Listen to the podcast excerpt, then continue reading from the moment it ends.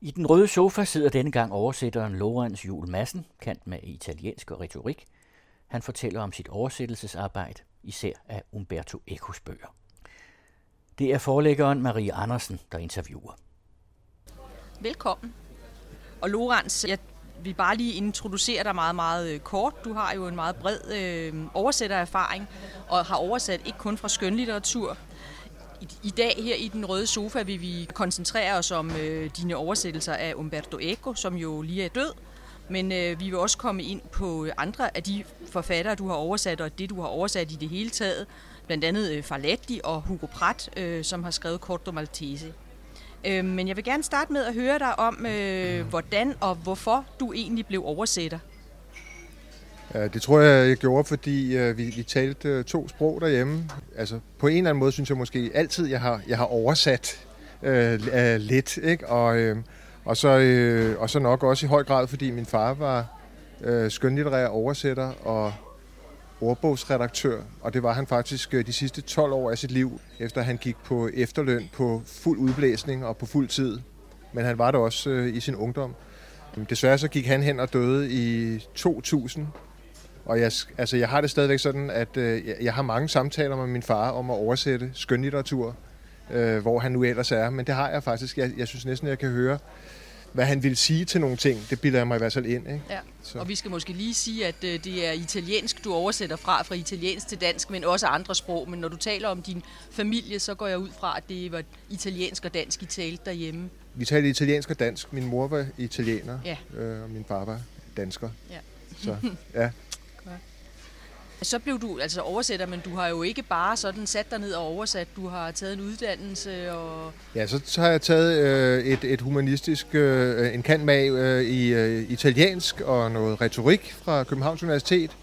Og der oversætter man jo også, når man læser sådan et, øh, et sprogfag, og det var et af, en af de discipliner, som jeg, jeg virkelig godt kunne lide allerede dengang. Og i slutningen af min studietid, der, der faldt jeg så over en øh, børnebog, som... Øh, af en italiensk børnebogforfatter, Gianni Rodari, som alle på din og min alder, men også dem, der er lidt ældre, de er vokset op med, sådan lidt ligesom øh, vi herhjemme er vokset op med Ibs Bang Olsen og Halvdan Rasmussen, eller i hvert fald en, som alle kender i Italien. Og øh, så begyndte jeg at bestorme øh, Borgens forlag med den her børnebog. Og øh, til sidst tror jeg, de blev så trætte af mig, så øh, de valgte at udgive den. Så du havde held med at, øh, at foreslå og så, en, øh, et, et, et, noget litteratur til, til et forlag, som så, som så til sidst tog det? Til sidst tog det, ja. Ja, ja det gjorde de. Ja. Altså, øh, øh, jeg kan huske, der var sådan en, en agent øh, herhjemme, som intet gjorde. Øh, til sidst skrev jeg direkte ned til forlaget, og lige pludselig så, så gik det meget stærkt. Så, så, fik, så kom der en kontrakt, og så...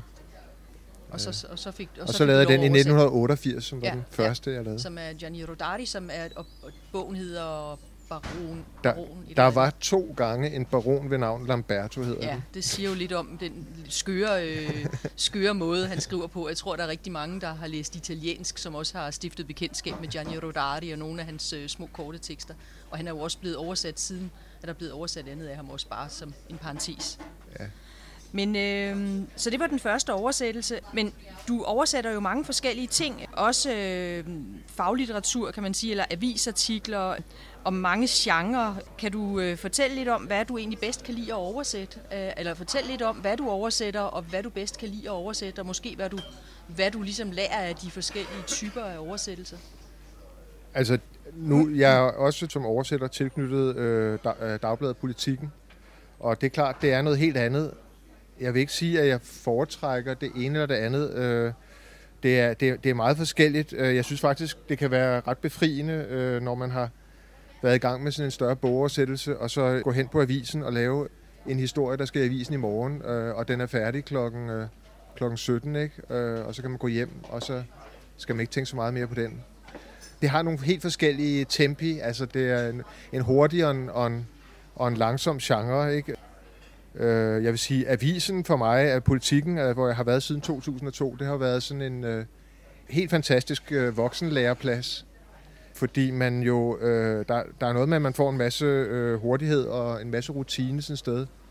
man lærer virkelig noget, at der er noget, der hedder en deadline. Mm. Min øh, chef, som stadigvæk er, er redaktør på udland øh, på politikken, øh, Michael Jarner, han, øh, han kom en gang rundt om øh, bordet til mig, en gang, hvor vi havde siddet øh, og øh, var blevet ret forsinket en aften. Lige så stille, så sagde han til mig, er du klar over, hvor meget sådan en forsinkelse som den, vi laver her i aften, hvor meget den egentlig koster?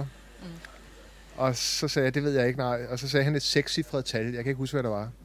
Men det var mange penge. Mm. Og så, øh, så sagde jeg, jamen det, det forstår jeg ganske udmærket, Michael. Jeg, har, øh, jeg tror, jeg har forstået, hvad du taler om. Ikke? Så, øh, og det synes jeg... Og der er også det med avisen, at man bliver kastet rundt i mange forskellige genrer. Altså man, man laver, øh, nu siger man journalistik, men det er jo faktisk mange ting, fordi nogle gange er det nyhedsjournalistik, så kan det være debatstof, så kan det være kulturstof, så kan det være en nekrolog. Så man kommer faktisk rundt i rigtig meget. Man kan aldrig vide, hvad det er på, øh, på forhånd. Det kan også være videnskabsstof. Så hvis vi skal tage fat i noget af det andet, du, så har du oversat også øh, tegneserier, Corto Maltese, og det kan jeg forstå også var sådan lidt af en drømme arbejde for dig. Ja, øh, ja, helt sikkert. Det har jeg gjort nu i, i, i 10 år. Det, det, det går sådan sin... Fortæl, fortæl sin... hvad Corto Maltese i, hvad, hvad for en slags tegneserie, øh, sådan ganske kort. Corto Maltese er en person, som øh, en italiensk tegneserietegner, der hedder øh, Ugo Pratt. Øh, han har, øh, det er hans vigtigste øh, karakter. Øh, og jeg tror rigtig mange, især mænd på min alder, har, har læst de her øh, Corto Maltese-historier tilbage i, øh, i 70'erne 80'erne, hvor de udkom på dansk første gang. Der er mange, der regner Ugo Prats serie for, altså ligesom øh, den anden, altså hvis vi siger, Haché er den helt store, det helt store fyrtårn med Tintin, så er, er Prat det andet store fyrtårn i italiensk øh, tegneseriekunst. Altså for mig, for at komme til at oversætte ham, det var, det var sådan en slags øh, øh drøng, øh, drengedrøm. Ikke? Det kom så af, at øh, for 10 år siden, der hørte jeg, at der i, i forlaget Farve Cigar, der sidder nogle meget øh, serieglade øh, redaktører, Christoffer Ortsmann og Sivert Ibo, øhm, øh, og, og de er rigtig meget glade for Hugo Prats ting. Og de har besluttet sig for at, at nyudgive dem, og den her gang skulle det ikke være i de der taglige, øh, slappe papomslag, som man havde der i 80'erne, men i øh, sådan det helt flotte udstyr, ligesom man ser i de franske øh, og italienske øh, udgaver, hvor man altså har et øh, lækkert papir og et, et altså nu jeg har taget dem med. Man kan jo ikke vise noget i radioen, men øh, men øh, men altså der er det ved dem, at de simpelthen bare er så lækre, ikke? Altså man man er straks inde i et eventyr, når man åbner dem, ikke? Og der er der er landkort, og der er medaljer, og der er uniformer, og der er essays, øh, som sætter en ind i en eller anden øh, tidsramme. Som det, fordi øh, det er sådan, at ham her, Corto Maltese, han rejser rundt i verdens brandpunkter i perioden fra omkring øh, forrige århundredeskifte og så frem til den spanske borgerkrig. Mm. Og så forsvinder han i øvrigt. Hugo Pratt siger, det er fordi, han er, i, de, i den verden, der opstår efter den spanske borgerkrig, er der ikke uh, længere plads til sådan en romantisk uh, skikkelse som Corto Maltese. Han dør ikke, men han forsvinder. Han forsvinder. Hvad får man sådan med sig, når man oversætter den type tekst? Det, der er ved det, det er, at, øh, at sådan en, øh, en serietegner som Hugo Pratt, han, øh, han laver aldrig, eller næsten aldrig, det man kunne kalde regibemærkninger. Altså, der er aldrig de der små kasser, man kender fra nogle tegneserier, hvor der står senere et andet sted eller sådan noget. Altså tegningerne og, og øh, replikkerne skal faktisk øh, sige det hele. Det er jo rigtig meget en, øh, en øvelse i at lave øh, og skrive øh, dialog. Mm. Og alle, der, der, der laver noget med, med tekster og skriver dialog, de ved, at øh, det, det skal man arbejde med, hvis det skal fungere. Dialogen, den skal tegne de her karakterer, og nu, nu var der ovenikøbet et publikum til det her i forvejen, ligesom med Tintin, Ja. Jeg talte engang med Niels Søndergaard, der fik den der frygtindgydende opgave med at nyoversætte Tintin efter øh, Jørgen Sonnergaard, som øh, alle har et forhold til. Og alle ved, hvordan kaptajn Haddock han skal lyde, og alle ved, hvordan øh, Tintin, spejderdrengen, han skal lyde, når han taler. Ja. Og sådan er det også lidt med, med Corto Maltese. Altså, Corto Maltese, øh, det kan godt være, at han er det kan godt være, at han er sådan øh, en, en, øh, en, en lykkejæger, og at han i løbet af en dag har været på skattejagt og i værtshusslagsmål. Men når han øh, kommer hjem om aftenen, så går han i karbad, og så læser han Baudelaire eller Jack London. Så han er også den der øh, gentleman og verdensmand. Han kender det hele. Han taler alle sprogene fuldstændig ubesværet, lige meget om han er i Karibien, eller i Argentina, eller øh, i, øh, i Irland. Øh, så man det skal have det der frem med, at han taler, han skal tale på en bestemt måde, selv når han fornærmer folk. Ja, så han skal, man skal have styr på ham på karakteren helt, øh, Ja. helt ind under... Ja, Det, det, det, det, det, det, det, er sådan noget, det er sådan noget, der er i Ja, det, ikke? ja. Og derfor bruger jeg det faktisk også i undervisningssammenhæng øh, til at... Jeg synes, det er en rigtig god træning i, øh, dia, i dialog. Ja, og i at begrænse sig vel også. Altså, de skal stå inde i en taleboble. Altså, der er jo en tegning også, så man kan jo ikke bare ligesom øh, trække fra og lægge til, som man ellers kan. Der er også det der med begrænsningen, ja, Ja. ja, det er Ja. der. Du har oversat også øh, fra Letti krimier og Saviano, det er ham, der har skrevet om den napolitanske mafia og om øh, narkohandel. Og du har oversat andre ting også, men det kan være, at vi skal gå direkte til øh, Umberto Eco, som øh, jeg tror, han i Danmark blev kendt især for Rosens navn i sin tid, som øh, den krimi, øh, kan man sige, eller, øh, som, øh, som, som også blev filmatiseret med Sean Connery. Ja, vi kunne godt tænke mig at høre lidt om, øh, hvilke sådan særlige oversættelsestekniske udfordringer det giver at oversætte Umberto Eco. Og det er selvfølgelig på forskellige planer, både rent sprogligt og, øh, og indholdsmæssigt. Men kan du sige noget om det? Ja, altså Eko er udfordrende, fordi han er så øh, øh enormt øh, øh, belæst, og, og det kommer så også øh, til udtryk i hans, øh, hans tekster. Altså, der er jo simpelthen så mange af de der intertekstuelle referencer til det ene og det andet, og mere eller mindre skjulte, øh, eller nogle gange eksplicite, men øh, Eko-læsere, de plejer at, at, at, at fremhæve, hvad, hvad er det, der er godt ved at læse Eko. Det er blandt andet det der med, at man synes, man bliver klogere, ikke? og som oversætter synes jeg, at man kan, man kan måske som læser kan man måske tillade sig at sige, nå ja, ja, og så læser man videre. Altså, som oversætter bliver man nok nødt til at finde ud af, hvad det er, der står, og så undersøge det hver gang, ikke? Og det, det gør det faktisk ret øh, tidskrævende. Ja, så man skal Øh, lave meget research på. Man skal lave en masse research på det. Ja, ja. Du citerede lidt øh, noget, Thomas Harder havde sagt om den italienske læser i forhold til den danske læser, også i forhold til det med, øh, med det lærte i, Umberto Ecos tekster. Ja, altså det var bare, det er bare en tre uger siden, at jeg hørte uh, Thomas Harder, som har oversat det meste af Umberto Ecos ting, uh, de fleste af Umberto Ecos ting til dansk. Han sagde det der med, at Umberto Eco, han, han, han trækker på sådan en, en tradition, som han, han talte om, altså Liceo Classico, det klassiske øh, sproglige gymnasium, og, og på en, en dannelsestradition, hvor man stiller enormt høje krav til læseren faktisk, altså om en meget stor øh, baggrundsviden. Det er høje krav, han stiller, det er der ingen tvivl om. Der så jeg så, øh, for, øh, har jeg så set i øh, første udgave af Rosens navn, eller nogle af de første her, at man i den danske udgave har indsat øh, noter bag i bogen. Der er et... Øh, der er et, et afsnit, der hedder, hvor man har oversat øh, nu siger jeg, oversættelse af de vigtigste latinske passager og citater, og der er også øh, en del sider med ordforklaringer. Ja. Øhm, og det er det faktisk øh, det er noget, der er lagt øh, til, kan man sige, for det, det, for det er ikke i den originale italienske udgave, så det har altså, på det tidspunkt har man ment, at det var nødvendigt, eller i hvert fald var godt for ligesom at komme den danske læser i møde. Mm. Jeg kan se, at det også er en tendens, der eller stadig, stadigvæk huserer i, øh, i nyere øh, tyske og engelske oversættelser, hvor det også, øh, hvor det også er. Øh, jeg, jeg har jo ikke lavet empiri på det, men, men jeg har i hvert fald taget, jeg har nogle eksempler på det. Er det noget, du øh, går ind for, så at sige, at der, at der er den slags hjælp til den danske læser, eller hvad mener du egentlig om det? Jeg synes, man skal prøve at, at så vidt muligt at stille øh, den, den nye læser nogenlunde lige så godt som den gamle, altså i udgangspunktet. Øh, men, men det kan selvfølgelig ikke altid lade sig gøre. Jeg, jeg synes måske nok, noter i øh, skønlitterære oversættelser er øh, lidt en dræber. Øh, sådan overordnet. Man skal også have lov til at læse, og altså få bare en læseoplevelse, og så, øh, så må man undersøge tingene, altså hvis man, hvis man er så ihærdig. Ikke? Men øh, jeg, jeg, jeg synes, noter så det sender mig et andet sted hen Ja, til, altså, noget, til noget, noget mere pligtlæsning og Ja. noget, noget... Det er ikke noter øh, på siden. Det står ja. bag bogen, så man kan sige, den, altså den, den læser, der gerne vil have bare en læseoplevelse, kan øh, nøjes med bare at læse, kan man sige, og den, der er ekstra interesseret læser, kan slå det op. Men jeg, jeg tror også, at det, jeg tror, det er noget tidsmæssigt også, at man i dag måske, jeg tror, man har stillet sig anderledes til tingene for 20 år siden, eller for 15 år siden i Danmark, end man gør i dag, hvor man jo, Ja. ja, ja i hvert fald i, i vid grad, jeg, jeg har ikke hørt om nogen, der gør det nu egentlig med noter.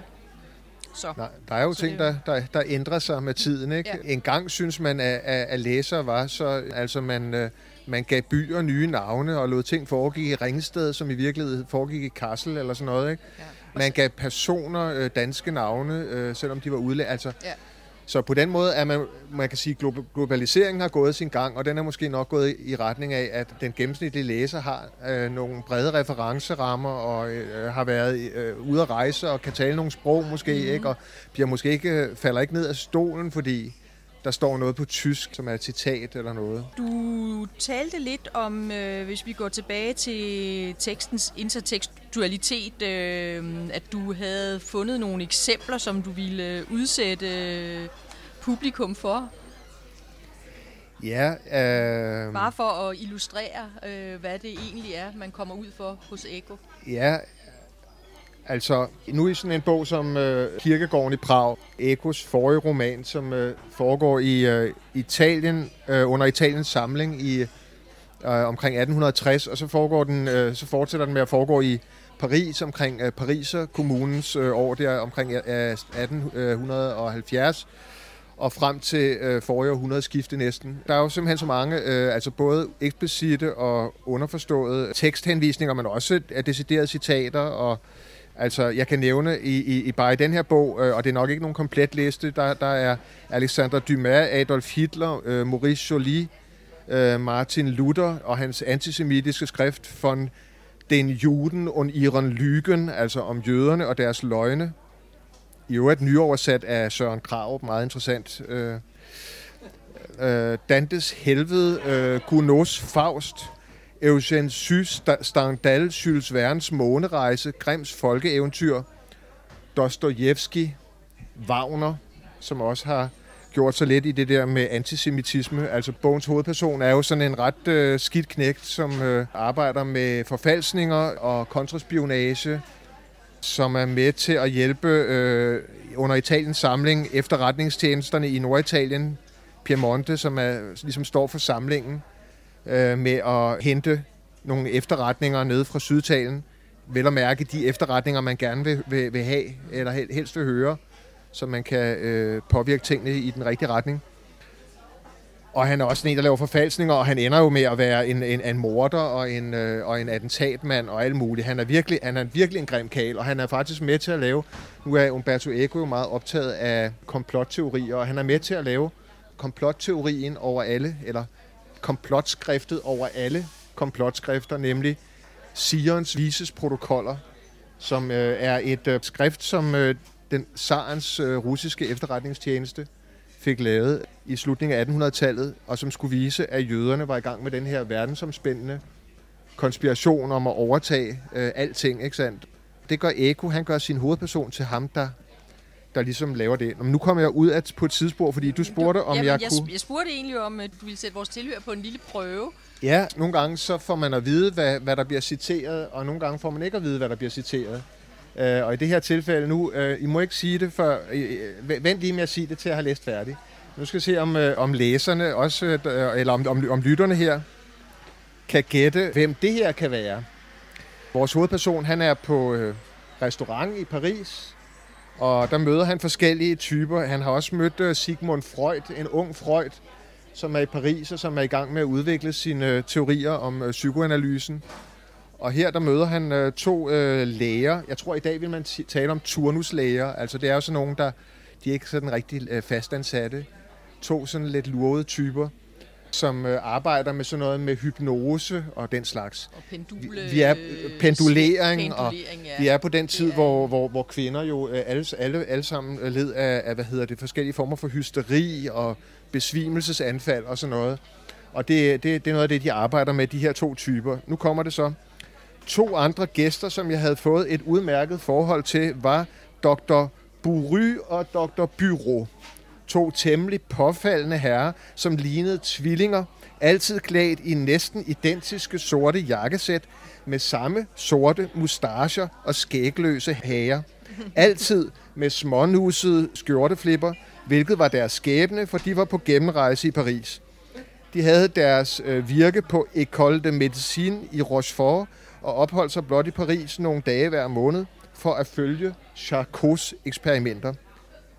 Var behar, er der ingen porre i dag, sagde Bury en dag irriteret. Er der ingen porre, sagde Byrå forarvet. Mens tjeneren beklagede, blandede jeg mig fra nabobordet. Til gengæld er der nogle udmærkede havrerødder, øh, de efter min mening er foretrække frem for porre. Og så gav jeg mig smilende til at trælle. Tous les légumes au clair de lune étaient en train de s'amuser et les passants les regardaient, les cornichons dansant en ronde, les salicifs dansant sans bruit. Undskyld mit franske, det er jo måske det er nok ikke... Men dermed lod de to gæster sig overtale til at bestille sals, salsifi, altså øh, havrerødder. Og det blev starten på vores behagelige samvær to dage om måneden. Ser de Monsieur Simonini, forklarede Bury.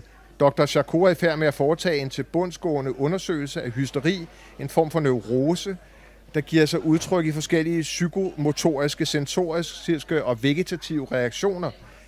Tidligere ansås det for at være en rent kvindelig lidelse, som skyldes en ubalance i livmoderen, men Charcot er kommet til den erkendelse, at hysteriske reaktioner er lige udbredt blandt begge køn og kan udmønte sig i lammelse, epilepsi, tab af syns- og høresansen, samt åndedræts, tale og synkebesvær. Min kollega har endnu ikke nævnt, at Charcot mener at have fundet en behandling, som fjerner symptomerne, elskede bureau. Det skulle jeg netop til at svare, svarede Bury pikeret. der, der var du lige ved at sige forkert til ja. sidst her af de to. ja. ja. Er der nogen, der har gættet, hvem, øh, hvem det kan være?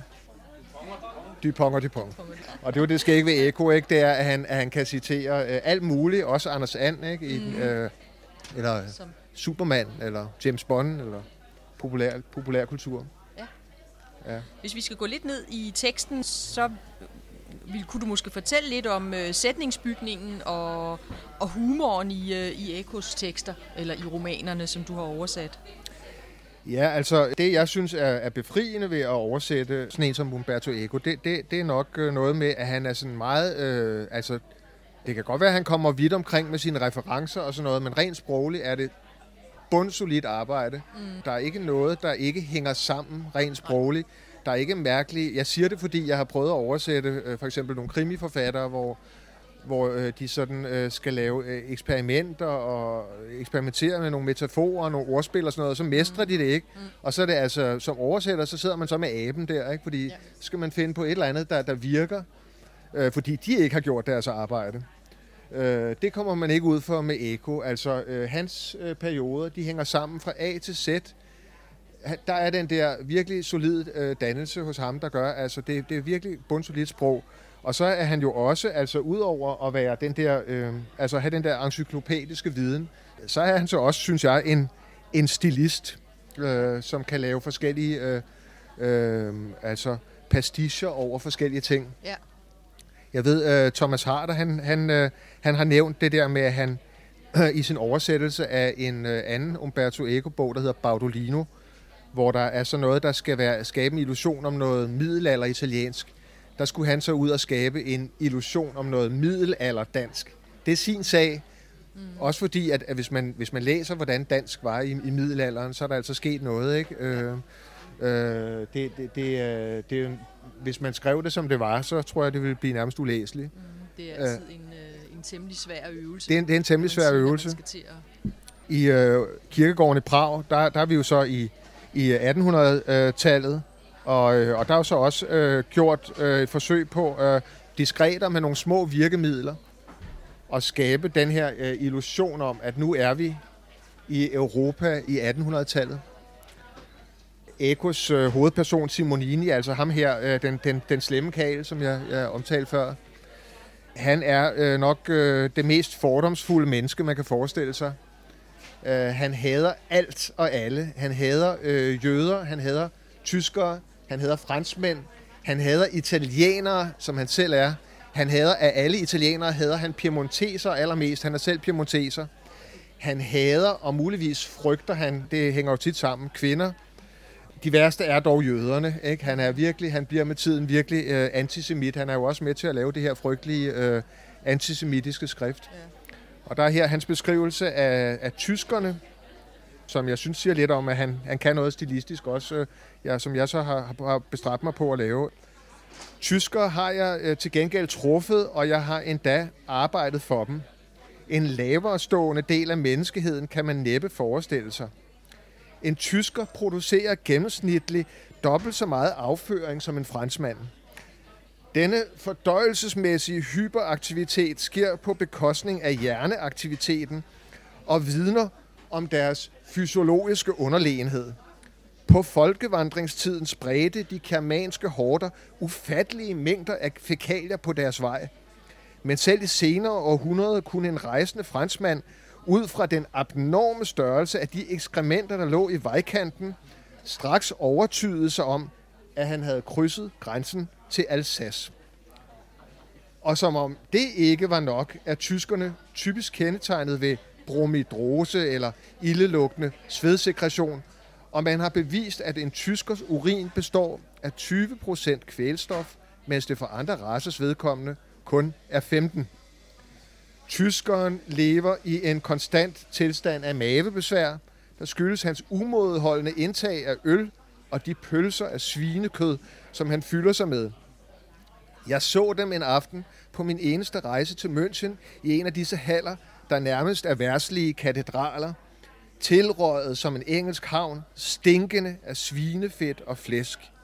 De sad lige frem parvis, mand og kvinde med et fast greb om disse ølkrus, der alene kunne slukke tørsten på en flok elefanter, næse mod næse i en dyrisk paringsleg, som to hunde, der snuser til hinanden, med deres larmende og uskønne latterudbrud, deres plumpe og gutturale gemytlighed, bestandig skinnende af fedt, som er smurt ud over deres ansigter og kroppe, som olien på atleterne i et af oldtidens cirkus. Ja, så ved øh, man ligesom, øh, hvad han mener om det. Om tyskere, ja. Og der Franskmændene får samme tur, italienerne får samme tur, ja, jøderne får samme tur. der er ikke, noget, der er ikke nogen, der, ja. der skal føle sig. det, det, eneste, det eneste, der er i orden, det er mad. Ja. Det er mad, og det er der så lange beskrivelser af, hvad han skal have at spise, ikke? Okay. og det har han sans for. Øh, der er meget research, når man, når man oversætter det her, og øh, øh, nu nævnte jeg, at, øh, at i, i den her bog, Kirkegården øh, i Prag, der er hovedpersonen altså med til at lave det her øh, berygtede skrift, øh, Sions Vises protokoller, som spiller en stor rolle den dag i dag. Det ligger jo ude på nettet og er inspirationskilde for øh, for eksempel islamiske fundamentalister, øh, der mener, at, at staten Israel skal udslettes, eller hvad det, hvad det nu er, ikke? Øh, mm. eller nynazister, eller... Mm. Øh, så det lever jo stadigvæk. Og det er det rigtige skrift, øh, som øh, man følger, hvordan øh, hovedpersonen i slutningen, som ligesom sit mesterværk, kronen på et langt livs øh, svinestreger, ikke? der laver han det her mesterlige skrift. Det er man med til, og så tænker man jo, Nå, men det er jo simpelthen piece of cake. Det er jo bare ind og finde øh, Sions Vises protokoller, de ligger på nettet. Ja. Og så øh, nærmest øh, copy-paste. Ja. Indtil man finder ud af, nej, fordi øh, Umberto Eco, han sampler, eller han han citerer, men han, han parafraserer også. Ja. Så, han, øh, så, så det var et større pustespil. Altså det var noget med at, at gøre det samme på dansk og finde, hvornår er det Sions Vises protokoller, og hvornår er det Umberto Eco i sådan, en, i sådan et puslespil. Ikke? Det var sådan et eksempel på, på noget af det der skæg, man kommer ud for, ikke? Øh, og nogle gange øh, anstrengende. Jeg, jeg ved ikke, jeg, jeg har nogle gange øh, benyttet mig af nogle eksperter, som øh, overrasker gang på gang med deres enormt store specialviden og deres øh, hjælpsomhed. Ja. Jeg kan nævne, øh, for nogle år siden, der skulle jeg oversætte øh, en krimi af, af den italienske krimiforfatter øh, Giorgio Faletti, som den foregår så i sommeren 1978. Øh, det er man ikke i tvivl om i Italien, øh, og det er man ikke i tvivl om, fordi øh, hovedpersonen, han kan ligesom se på avisernes forsider, at nu er ministerpræsident Aldo Moro blevet kidnappet af de røde brigader, øh, hvor han så sidder 55 dage her i, i folkets fængsel, indtil de slår ham ihjel. Så man ved, at ligesom det er sommeren øh, 1978, og hovedpersonen, han er Alfons, det, han, det vil sige, at han har gang i de her illegale aktiviteter, så han vil helst ikke ringe hjemmefra. Så han skal hele tiden ind i nogle øh, mønttelefonbokser og ringe. Og så står der, og han er sådan ret omhyggelig med at skrive hver gang, at så drejede han det og det nummer, eller tastede det og det nummer. Mm. Men problemet er, at på italiensk, der gør man bare et nummer. Det vil sige, man kan faktisk ikke høre, om det bliver tastet eller drejet. Og så kan det godt være, at jeg er en nørd, ikke? men, øh, men, men øh, Gud ligger i detaljen, ikke? det skal være i orden. Så øh, jeg prøvede at finde, øh, om der var nogle italienske tele museer eller nogle, nogle, nogle øh, sites for, for, for telenørder, hvor ja. man sådan kunne spørge nogen. Det, det lykkedes ikke. Så endte jeg på Post- og Telemuseet og blev henvist til en herre, som sagde, at det ville han godt undersøge for mig. Altså i, i, øh, i Danmark? I Danmark, ja. Post- og Telemuseet. Ja. Så gik der to måneder, tror jeg, jeg havde glemt det. Ærligt talt, jeg havde glemt det. Jeg var i gang med at aflevere øh, den her... knapper øh, eller drejeskive, det får at være. et eller andet. det Jeg havde, jeg, og lige pludselig fik jeg en meget, meget udførlig mail, hvor den her øh, ekspert i telefoni, han, han skrev, skrev, at han kunne med 100% sikkerhed sige, det havde altså han, to, to måneder efter, ikke? at han kunne med 100% sikkerhed sige, at i sommeren 1978 havde man ikke mønttelefoner med, med, med taster i Italien, kun drejeskiver. Ikke? Ja. Men også for eksempel sådan noget som øh, nu, nu igen med øh, den nye Eko nummer 0. Der er en af Ekos øh, paranoikere en, og konspirations- øh. Han er meget optaget af Mussolini, og han har sin helt egen teori om, øh, hvordan det gik Mussolini i 1945. Helt i, i stil med de der teorier, vi kender om, at Hitler slet ikke døde i førerbunkeren, men i virkeligheden blev ført til Argentina, øh, og, og der har han så siddet lige siden og ventet på at tage verdensherredømmet. Det samme skal vi, forstår vi, det, det skete altså med Mussolini. Og på et tidspunkt har han så, øh, den her øh, konspirationsteoretiker, han har været inde og læse Mussolinis obduktionsrapport. Det fandt jeg ret hurtigt ud af. Det var en autentisk, det var Mussolinis autentiske obduktionsrapport, der bliver læst op af. Den gik jeg i gang med at oversætte. Det fandt jeg ud af. Det var, det var hundesvært, og det blev nærmest ulæseligt. Mm. Øh, fordi det blev sådan noget, altså læge-italiensk er nærmest læge-latin. Så øh, kommer jeg i kontakt med, og det er altså helt fantastisk, jeg står i stor gæld til overlæge øh, Sten Holger Hansen, som er retsmediciner på øh, det sundhedsvidenskabelige fakultet. Han ville hjertens gerne hjælpe mig. Ikke nok med det. Han kendte øh, Mussolinis obduktionsrapport Han i forvejen. læst den som, Han, øh, altså, i, som pensum, eller... Og han havde en meget vigtig pointe, som var, at, øh, at det skulle ikke være så lægelatins, vel? Fordi, øh, hvem er det, der læser en obduktionsrapport? Jamen, det kan for eksempel være politifolk, det kan være folk i domstolene, de er ikke nødvendige, de er jo ikke eksperter i medicin. Øh, det skal kunne læses af, af nogle andre mennesker, så det skal egentlig være er ikke fagfolk, faktisk. forståeligt, ikke? Øh, så, så, så det var en, en stor hjælp. Ja. Men ellers, altså, jeg ved ikke, Marie, du Nej. sagde, øh, læse noget op. Altså, Eko, han har jo de der... Han er jo også en humorist, ikke? Mm. Jeg har et, et, et lille spørg- afsluttende spørgsmål, men vi kan Ja. da sagtens nå at, øh, at høre dig læse lidt op først. Altså, Eko, han, han har øh, en forkærlighed for, for nørder. Jeg ved ikke, om det fordi han selv øh, var, var, var nørd. Øh, det, må, det må man vel et eller andet sted sige, han var, ikke? Øh, hvis man ser det der bibliotek, han havde og sådan noget. Og altså, han har sådan nogle nørder, der går i selvsving over det, de nu nørder over. I øh, kirkegården i Prag, der er det for eksempel, at vores hovedperson i 1870'ernes Paris møder sådan nogle øh, anarkister. Øh, mange af dem er landflygtige fra Italien og sådan noget. Og, og de, er jo, de er alle sammen sprængstofseksperter, og meget glade for at tale om, om sprængstoffer. Så finder man sådan noget, sådan noget som det her. Øh, her traf øh, øh, Simonini Gaviali ved et bord med ligesindede kammerater, der til synlædende delte hans syn på kongemor. Øh, de var næsten alle politiske flygtninge fra Italien, og næsten alle sprængstofseksperter, eller besat af dette emne. Da selskabet havde opbygget en passende brændert, faldt snakken på de fejl, berømte attentatmand havde begået gennem tiderne. Den bombe, hvormed Kodudal havde forsøgt at myrde Napoleon, der på det tidspunkt øh, var første konsul, indeholdt en blanding af salpeter og sprængstykker, øh, som til nød kunne gå an i de smalle gyder i landets gamle hovedstad, men som i dag ville være fuldstændig utilstrækkelig, og ærligt talt også havde været det dengang. For at myrde Ludvig Philip havde øh, Fjeski fremstillet en maskine, som affyrede 18 geværløb på én gang, og han havde dræbt 18 mennesker, men ikke kongen. Problemet er sprængstoffets sammensætning, sagde Gaviali. Øh, tag nu for eksempel kaliumklorat.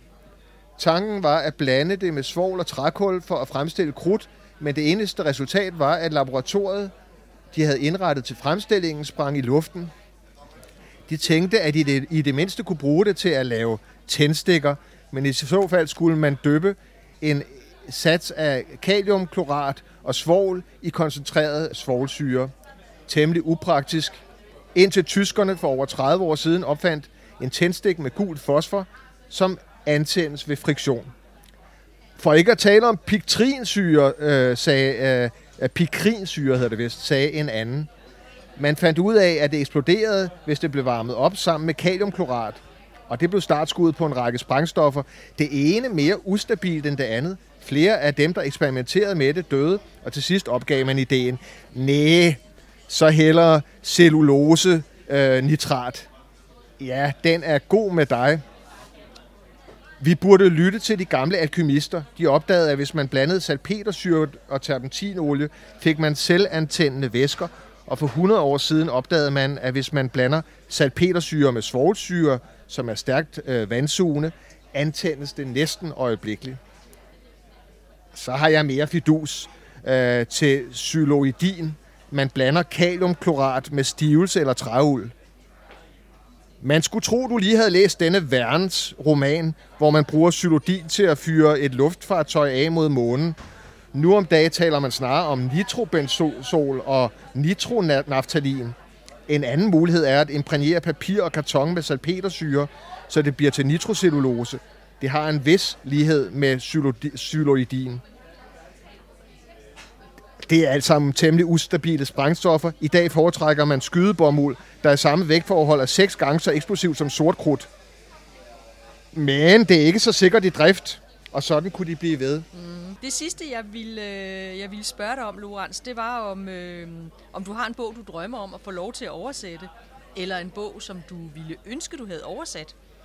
Altså en, øh, en drømmeoversættelse, det, det kunne være måske øh, at, øh, at nyoversætte øh, en af italiensk litteraturs øh, hovedværker i det 20. århundrede, som er øh, en meget, meget smuk bog, synes jeg, øh, Elio Vittorinis Conversazione in Sicilia fra 1941, øh, på dansk øh, samtale på Sicilien, øh, oversat af Jørgen Engberg i øh, 1949. Så øh, hvis min forlægger over på, øh, på Rosinante, øh, ja, det er jo også forelægger, Marie, øh, øh, hører mig, så, så, så, så, så, så, så kan det være, øh, at vi øh, kan finde ud af noget der. Det, er i hvert fald, det synes jeg i hvert fald øh, ville være fantastisk. En nærmere og måske mere opnåelig drøm, det er at få lov til at oversætte Ekos øh, essay, som udkom øh, fem dage efter hans død. Øh, der udkom en, en samling af de essays, han skrev igennem mange år til øh, ugemagasinet Espresso, ja. som er Tidligere har man jo udgivet nogle af de essays på dansk, han har skrevet gennem ja, årene. Ja. Tusind tak til Lorenz for at komme her og fortælle om sin oversættergærning og, og læse op. Øh, tak, Lorenz. Jeg vil også sige tak øh, til dig, Marie, og, og jeg vil sige uh, tillykke med, med, med dit forlag. Det er jo ikke nyt, men, men tillykke med, at du, uh, at du har haft held til at udgive uh, Svetlana uh, Alexievich. Uh, det er jo simpelthen så flot at, at, at udgive en uh, Nobelpris-tager i litteratur. Ja, tak skal du have. Tak. Lorenz Jul Madsen fortalte om sit oversætterarbejde til forlæggeren Marie Andersen i Den Røde Sofa.